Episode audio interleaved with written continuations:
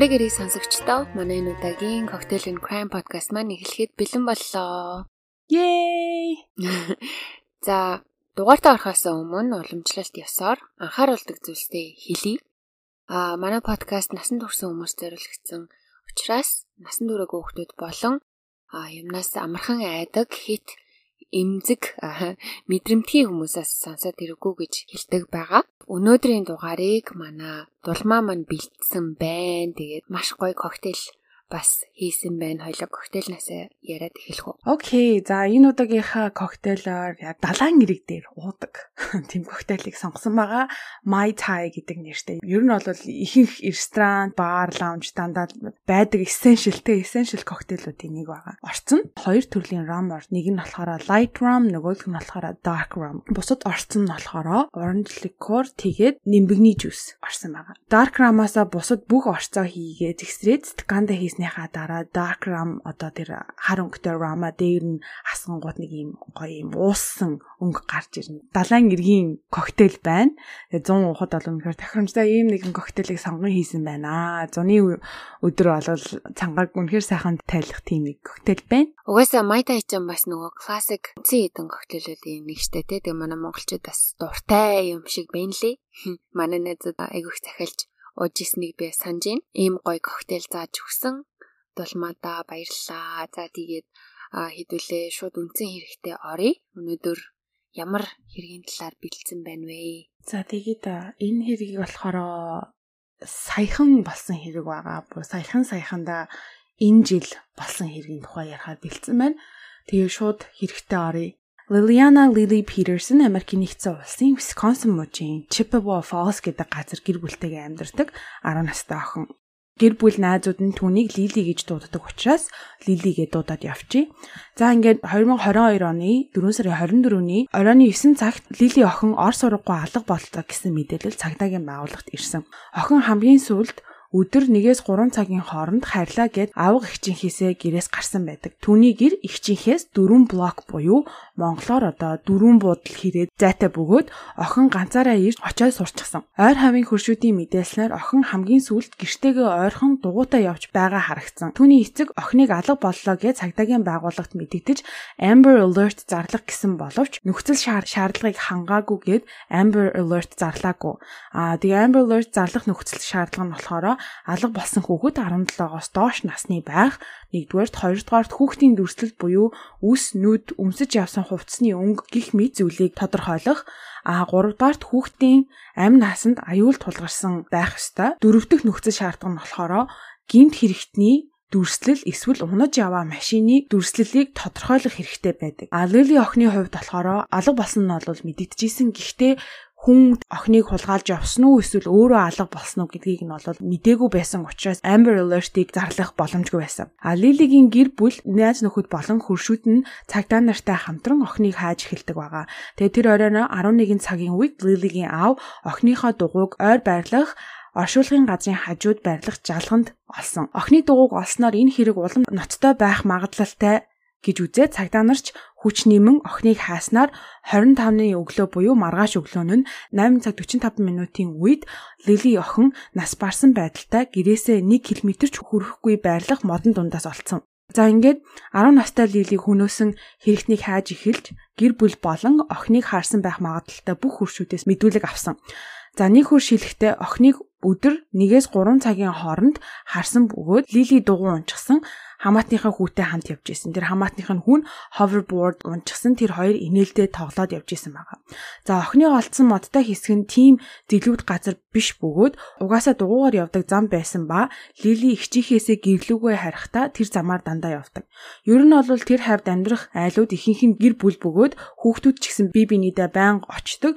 Ерөнхийдөө одоо нэг юм аюулгүй гэх юм уу да тиймэрхүү хороолол За охины олж олдож анхан шатны шинжилгээний хариу гарахад охин маш хүн дээр зодуулсан ба үхлийн шалтгаан нь хүчтэй цохиулсан мөн боомлолт гэж гарсан. Охин нүүрэн тус газраа хүнд цохиулсан бүсэлхийнээсээ доош хувцасгүй мөн үгзгэн дээр нь хатсан шүдний ортой олцсон байдаг. Тэгээ гимт хэрэгтэн охиныг хүнөөснийхаа дараа бэлгийн хүчээр хилэл үзүүлсэн байсан. Тэгээ энэ хэрэг одооны цаг хугацаагаар болон 2 сарын өмнө болсон бүтэн задлан шинжилгээний хариу одоохондоо гараагүй байгаа. За тэгээд Лили охины эргэн тойрондох байх бүх хүмүүс болон сэжиглэж болох бүх хүмүүсээс мэдүүлэг байцаалт авсны дараа хамгийн нэгдэх сэжигтэн нь Лили охины хамаатны хүү болох 8 дугаар ангийн сурагч 14 настай Carson Berger За тэр өдөр охинтой тоглоод инээлдэж явж явж байсан хамаатны хүү яагаад Лилиг ингэж зэрлэгээр хөнөх болов? Карсны мэдүүлснээр тэр өдөр Лилиг хөнөөй гэсэн бодолтой байсан. Гэрлүүгээ харихад нь хамт явсан бөгөөд байнга явдаг дугуйн замаар явж байхдаа мод руу орё гэж Лили ятгаж чадсан. Мод руу ороод охиныг гизэн тус гацар нь хүчтэй зохиж унгаасны дараа том модны мөчрөөр охиныг удаатаараа зохиж эцэст нь хоолойг нь боож хөнөөсөн байгаа. Охиныг амьсгал хураасны дараа бэлгийн хүчирхийлэл үзүүлсэн бөгөөд яг тэр үйлдэлээ хийж байхдаа гинэд ухаан орсон аягтай айгаад үйлдэлээ зогсоогоо гэрлүүгөө хайрсан. Гэртээ очиод хувцас угаалгын машин хийж усанд орсны дараа гэртээ юу ч болоогүй мэд сууж ясан. За тэгээд тэр үед нь Лили гэртээ ирээгүй гэдэг мэдээ тархаж гэр бүл нь охиныг хайж эхэлсэн байдаг. Тэгээд тухайн үед охиныг хайж эхлэхэд Carson баригдхаасаа айн буцаж хэргийн газар очин охины цогцсыг өөр байршил руу зөөж навчаар далтал нууж тавьсан. Carson-ыг гурван зүйл хэрэгт буруутай хэмээн шүүхэд одоохондоо дуудсан байгаа. Тэр нь нэгдүгээр зэргийн хүний амийг санаатай хөнөөсөн. А хоёр дахь нь нэгдүгээр зэргийн бэлгийн хүчирхийлэл үзүүлсэн. А 3 дугаарт нь болохоор 1-р зэргийн насанд хүрээгүй хүнд бэлгийн хүчээр хилэл үзүүлсэн гэдэг хэрэгээр яг одоо шүүх дуудагдж байгаа. За эхний хоёр зүйл нь хамгийн дээд ял нь насаараа хоригдох ялтай. Хүүгийн хэргийг одоохондоо насанд хүрэгчдийн шүүх хурал хүлээн авсан. А учир нь гэвэл Висконсин мужид санаатай хүний амийг хөнөөсөн тохиолдолд нас харгалзахгүй насанд хүрэгчдийн хуулиар шийддэг байгаа. Хэрвээ хүүгийн өмгөөлөгч даван заалтхаа аваас энэ хэрэг хүүхдийн шүүх рүү явах боломжтой. Гэхдээ хэргийг хүлээж авсан шүүгчийн гарт бүх ирэх байгаа. Хэрвээ Карсны хэргийг насанд хүрээгүй шүүхээр шийдэхэр болвол ялан мэдээж хөнгөрч мөн хэргийн тухай бүх деталь нууцлагдана. Wisconsin мужийн хуулиар насанд хүрээгүйчдийн шүүхэд ял байдаггүй харин засан хүмүүжүүлэх програмд хамруулдаг бөгөөд 18 нас хүрэхдээ хараа хяналтаас бүрэн чөлөөлөгддөг. Тэгэхээр ер нь насанд хүрээгүйчдийн шүүхээр одоо энэ лилигийн хэргийг шийдэх юм бол Carson ямар ч ял авахгүй гэсэн. Тэгээ одоохондоо Carson-ы батлан даалтыг шүүгч 1 сая Америк доллар бэлнээр гэж тогтоосон байгаа. Өмгөөллийн баг хүүг насанд хүрээгүй машинч барьж чадахгүй тул хэрэгээс сухтах боломжгүй. Тийм учраас батлан даалтын үнийн дүнг 1000 ам доллароос дээш байх шаардлагагүй гэсэн боловч хэргийн ноцтой байдлаас хамааран 1 сая ам доллар байх ёстой гэж шүүгч тогтоосон нь тэр сая хэлсэнчлэн энэ хэрэг 2хан сарын өмнө болсон хэрэг учраас шүүх хурлын талаар тодорхой мэдээлэл одоохондоо байхгүй байгаа. Аль шүүхээр шүүсэн бай ямар ч байсан бүх шүүх хурал дуустал хурлын ер нь бол ихэнх деталыг олон нийтэд цацахгүй гэж шийдвэр гаргасан байгаа. За тэгээд дараагийн шүүх хурал нь 6 сарын 24-ний өдөр буюу нөгөөдөр товлогдсон байгаа. Тэгээ энэ дугаарыг бит хоёр 6 сарын 22-ны өдөр бичиж байгаамаа. Тэгээ нэрийг газ нэг юм хэлчихсэн. Бит хоёрын цаг зав ингэж таарсан учраас хэрэгээ тэр 7 хоногтой биш одоо өмнөх 7 хоногт нь бичиж байгаа нь энэ шүү. Тэгээ 24-нд шүүх хурал болсны дараа мэдээж шин соргог мэдээллийг бит хоёр сошиал дээрээ цацах болно. Мөн одоо Габи Петитийн охины хэрэгтэй адил энэ хэрэгтэй холбоотой шин соргог одоо мэдээ мэдээллийг бит хоёр сошиал хуудаснууд дээрээ цаг тухайд нь ер нь нийтлж нийтлэх болно. Тэгээ ер нь бол одоо хэргийг дуустал сошиал дээрээ апдейт та нартай өгөх болно. За тэгээд ер нь бол болсон гимт хэрэг энэ байна. Тэгээ энэ хэрэг хуулиар шийдэгдээгүй байгаа хэдий ч хэрэгтэй холбоотой дурддах ёстой чухал мэдээллүүд байгаа. Аа ер нь бол маш сонирхолтой одоо миний анхаарлыг үнэхээр татаж чадсан хэрэг гэх юм уу та тэгээд чинь олдоогүй байгаа ч гэсэндээ бас ярих гэж бодоод сонгосон байгаа.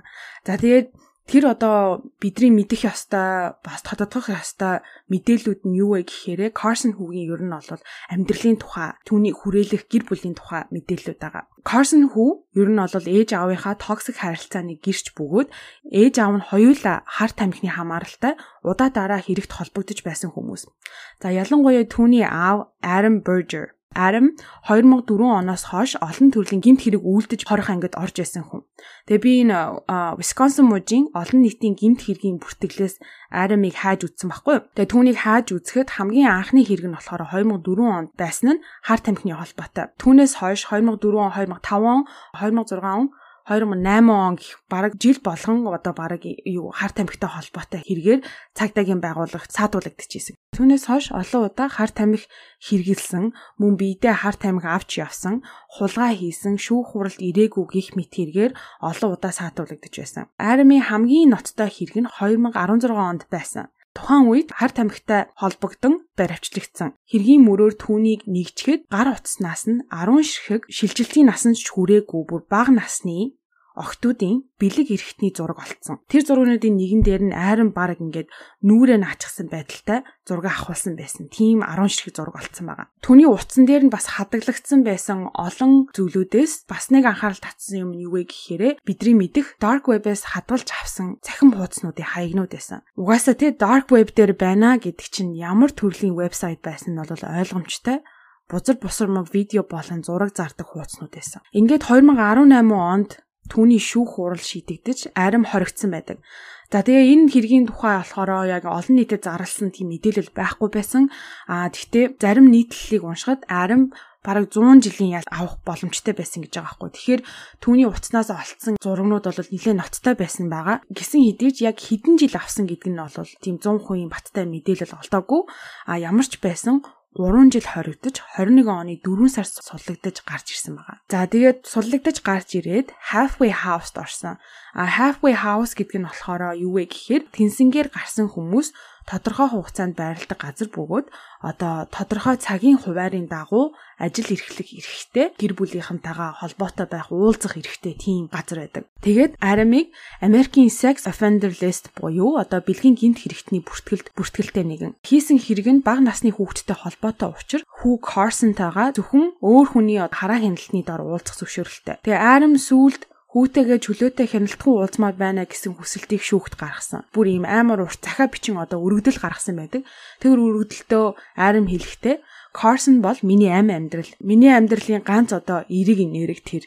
Дээрэс нь хүмүн ээжтэйгээ амьдрахад сэтгэл хангалуун бус байгаа. Гаднаас нь харахад хүртэл байн гурваасан гонсгор байдалтай байдаг. Би хүүгийнхээ багш нартай байн холбоотой байдгаар зогсохгүй даалгаврыг нь хийхэд хүртэл тусалдаг. Би мөхүүтэй маш их хайртай. Би түүнийг байнга инээлгэж баяр баясгалан өгдөг ба Хүмүн ч гэсэндээ надад маш их баяр баясгалан бэлгэлдэг. Одоо хүртэл бит хоёр өдөр болгон имэйлээр харьцдаг. Би үргэлж түнд хайртайгаа илэрхийлж ойр дотн байхыг хичээдэг. Хүмүн одоо 12 настай, удахгүй 13 нас хүрж насанд хүрэхэд нэг алхмаар төхөж байна. Аав хүү хоёрын харьцаагаа сайжруулах зорилгоор харгалзахчгүйгээр чөлөөтэй уулздаг болмоор байна. Миний хийсэн хэрэг хүүхдийн бэлгийн хүчирхийлэлтэй холбоогүй учраа би хүүтэй аюул занал хийгээгүй учраас Хүүгийн минь ирээдүг бодож энэ хүсэлтийг минь хүлээн авна уу гэж шүүхт өргөдөл гаргасан байгаа. Гисэн хэдий ч шүүх түүний хүсэлтийг няцаасан. Карсны ээжийн хувьд тэдний гэр бүл хамаатнуудын дурдснаар ээж Лорин тэмч сайн ээж биш гэж дүгнсэн. Карсон ээжтэйгээ байхдаа ер нь бол инээж харагддаггүй, ад жаргалтай харагддаггүй. Ээж Лорин аав болон аавынх нь гэр бүлтэй уулзах дурггүй хүүг ер нь бол тэднээс тусгаарлах холдуулах тийм хүсэлтэй. Карсоныг 2 настай байхад ээж аав нь хоёр тишээ болсон бөгөөдний харилцаа ер нь бол хизээч найрсаг байгаагүй. Карсоныг 8 настай байхад аав нь ээжийг нь машинаар мөргөж амьд нь хүрэх гэж хүртэл оролцсон байдаг. Тэгээ ээжийнх нь ер нь бол одоо romantic харилцаа үерхлийг нь хараад байхад ер нь бол маш токсик, токсик түүхтэй. Корсны аавтай танилцахаасаа өмнө гэрэлсэн байсан нөхөртөөгөө хүртэл маш токсик харилцаатай байсан. Байнга ер нь бол хэрэлдэж тэр нь даамжирсаар агаад нөхрөө зодож зандал хийлсэн гэж цагтаад хүртэл бүртгэлтэй. Мөн дээрээс нь хар тамхи ер нь бол хэргэлдэг хамааралтай нэгэн. За тэгээд экс нөхөр нь тийм Карсны аав нь бас ийм токсик харилцаатай байсан. За Карсны аавын дараа энэ хэрэг болоход байж үерхэж байсан найз залуу нь хүртэл токсик А тэр залууг нь Джон гэдэг өгөөд тэр нь хүртэл юм бүнийг бүтэхгүй гар заяо. Лөөврийн хэрэгээр олон удаа шоронгийн хаалга татж байсан. Тэгээ мөн ингээд түүний сошиал хуудаснаас харахад асуудал байнга орж явдаг. Нэг тийм нахаалны хүн гэх юм уу та. Тэгээд Лили охины хэрэг гарахад гэр бүл болон тэдний хүрээлэх хамаатай хүмүүс бүгд олон нийтийн анхааралд ирсэн байдаг. Ээжийнх нь найз залуугийн фейсбુકээс харахад түүний ингээд постлдаг юмнууд дандаа ийм сөрөг тэгээд сатаны талаар хүүхдүүдэд ярьж өгч шүтгийг зөвлөж байгаа тийм мим бас юм хүчирхийлэл болон хүчингийн талаар зүгээр нэг юм инээдтэй зүйл шиг ярьж тийм ёс бус ер нь бол тийм нэ нормалны постнуудыг оруулдаг тийм хүн. Өөрийнх нь ингээ оруулдаг зургийг нь хүртэл харахад амар тийм бүдүүлэг соёлгүй дунд хуруугаа гаргасан хүмүүсийг ер нь амар тийм доромжилсан зүйлийг сошиал медиа дээр бичдэг. Ер нь бол маш юу хин хүүхдийн амьдралд хүний амьдралд ер нь бол сөрөг нөлөө үзүүлэхээр байрны хүн Тэгээ бас нэг постноос нь харахад тэр эрэхтэй Лилигийн ээжтэй эхлээд үерхэж байгаад салаад Карсны ээжтэй үерхсэн байж магадгүй. Гэр бүлийн дунд ингээ явчихсан заяа.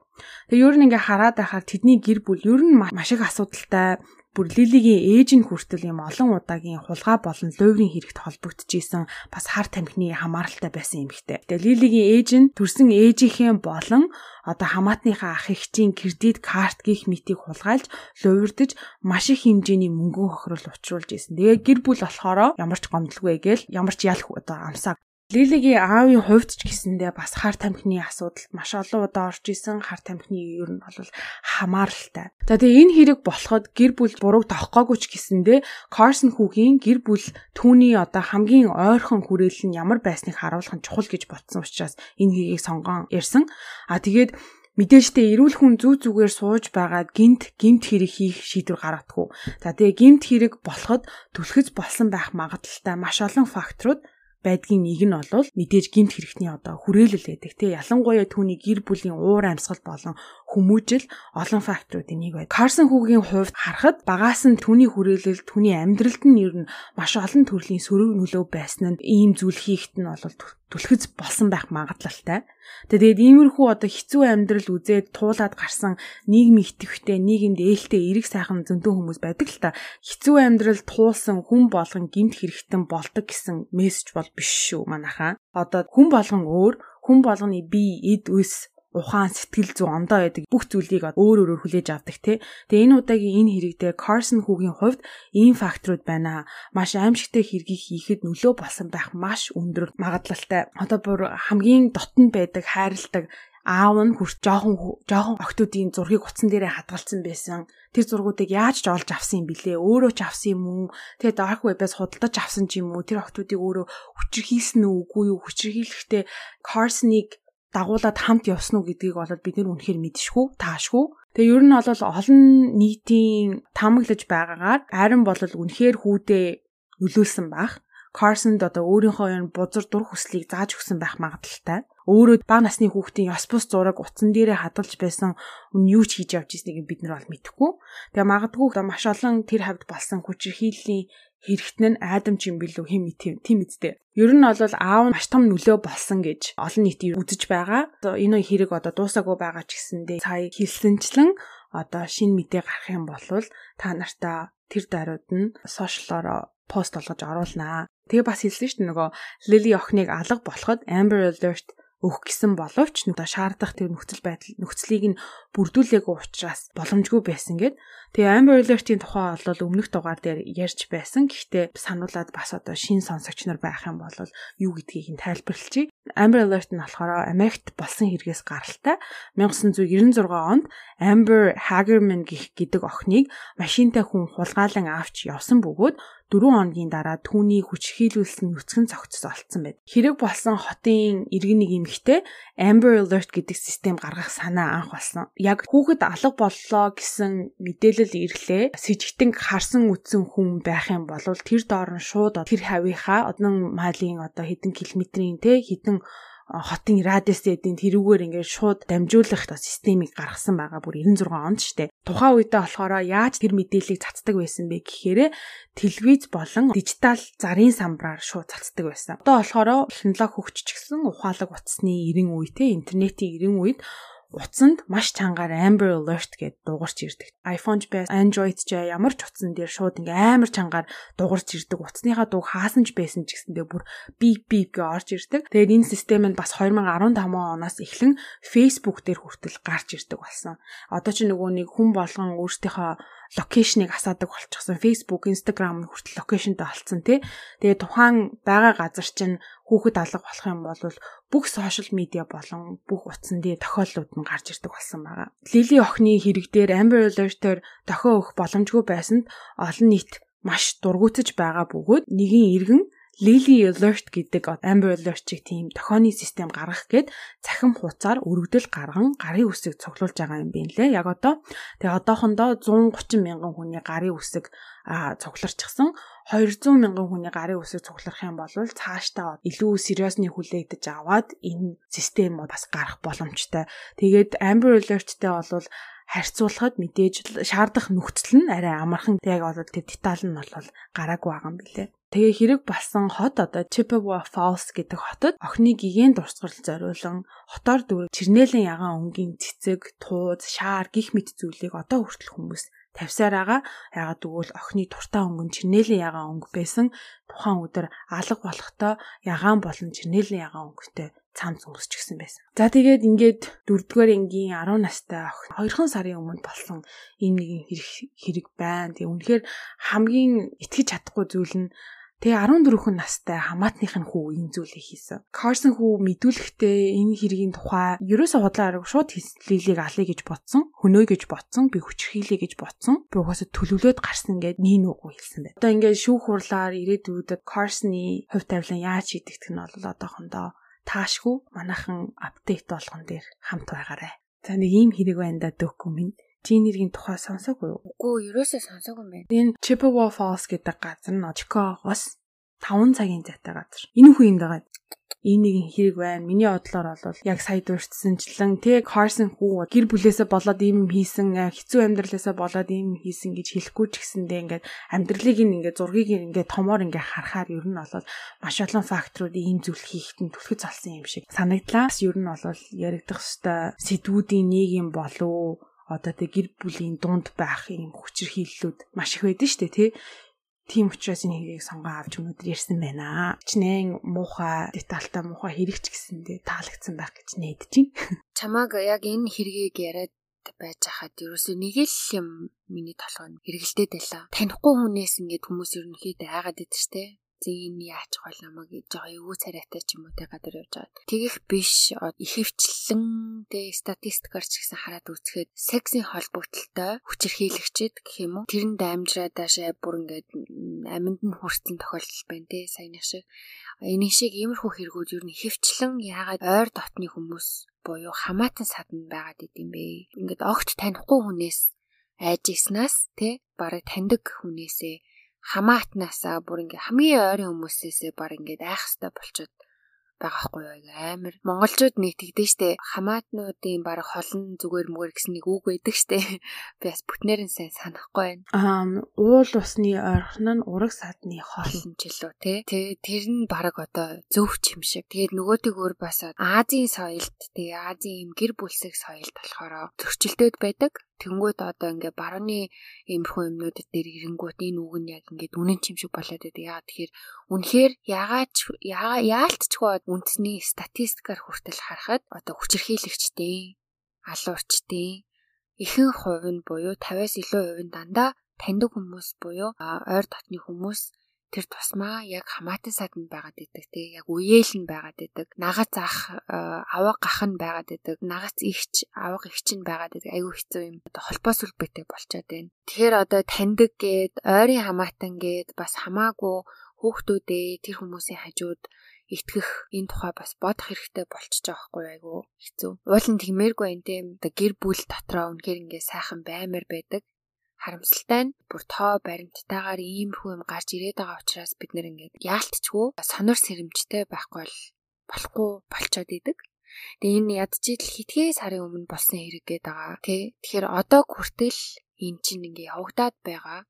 Тэгээ саяхан хүртэл нөгөө сонсогчдын групп дээр нэм явж ирсэн штэ. 20 цэрийн үеэр Монголд хідэн хүүхэд хүчирхийлүүлээ. Тэрний хідэн хувь нь гэр бүлийнх нь хүн байсан. Хідэн хувь нь аав нэсэн, хідэн хувь нь хойд аав нэсэн, хідэн хувь нь тэгээ бүр ингээд хувьчлаа гаргацсан байсан статистик байсан. Тэгээ тэр бас яг үнэндээ хэр аккуратны юм бас мэдэхгүй бай. Гэхдээ тэр бол мэдээж оргуу тоо бол биш байх гэж бодогдсон. Тэгэхээр манай сонсогчид бас хэрвээ бага насны хүүхдүүдтэй бол бас байн хэлсээр одоо бараг залхаж байгаа бах. Гэхдээ Тэгээ сонор сэрэмж үнэхээр илүүдэхгүй шүү. Тэгээ ялангуяа ойр дотны хүмүүстэй гэр орондоо бити танихгүй хүмүүс хоноолж гэр орондоо үдшилэг те пари зохион байгуулж болно it's okay. Гэхдээ пари дууслаа тэр хүмүүс гэртээ харах хэвээр хэрвээ бага насны хүүхэдтэй бол те. Тэгэхээр хэдүүлээ бүгдээрээ сонор сэрэмжтэй байцгаая. Тэгээ одоо хүртэл бидний бодлоор те Америк нэгдсэн улс чинь өдийд хөгжөөд энэ минийгээ уулна иймэрхүү асуудал гарахгүй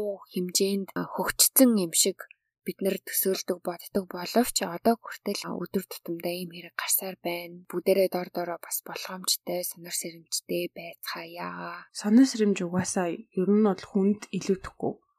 Яг уу мэдээж тэрийг контролдох хэрэгтэй.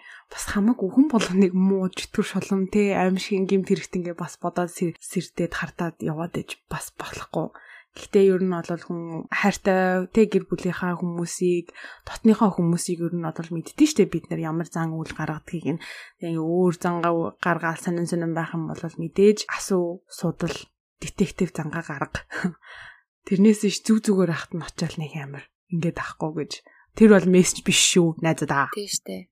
Тэг хитрхи хинэггүй биш байгаарэ гэх. За тэгээ маш сонирхолтой хэрэг ярьж өгсөн дулмаада баярлаа. Тэгээд энэ хэргийн тухай шин шин мэдээллүүдийг бит хоёр дулмаагийн маань хэлсэнчлэн Габигийн хэрэг дээр гарсан шиг энэ дугаарын доотлын комент хэсэгт бит хоёр ингээд тухай тухай үед нь апдейт буюу шин мэдээлэл оруулаад комментор оруулаад явчих. Болж өгвөл бас Instagram болон Facebook-ийн сторигоор бас оруулж авах болно гэдгийг хэлмээрэн. Тэгээд бит хоёрын Instagram хуудас буцаас сэргээгцэн азуулч тэгээ одоо буцаадаас хизээ хаагдахыг мэдэхгүй байна. Тэгээд хаагдчихгүйхэн шиг байх юм бол таад мань дагаарай. Коктейл гэж бичээд N нүсэг тавиад Cocktail and Crime гэсэн нэр дор байгаа шүү. За сонсогчдийнхоо Facebook group дотор орж ирж чадаагүй бол бас нэг дээрээ бүгдээрээ тэнд цуглаад айгүй их гой гой юмны тухай ярилцдаг шүү.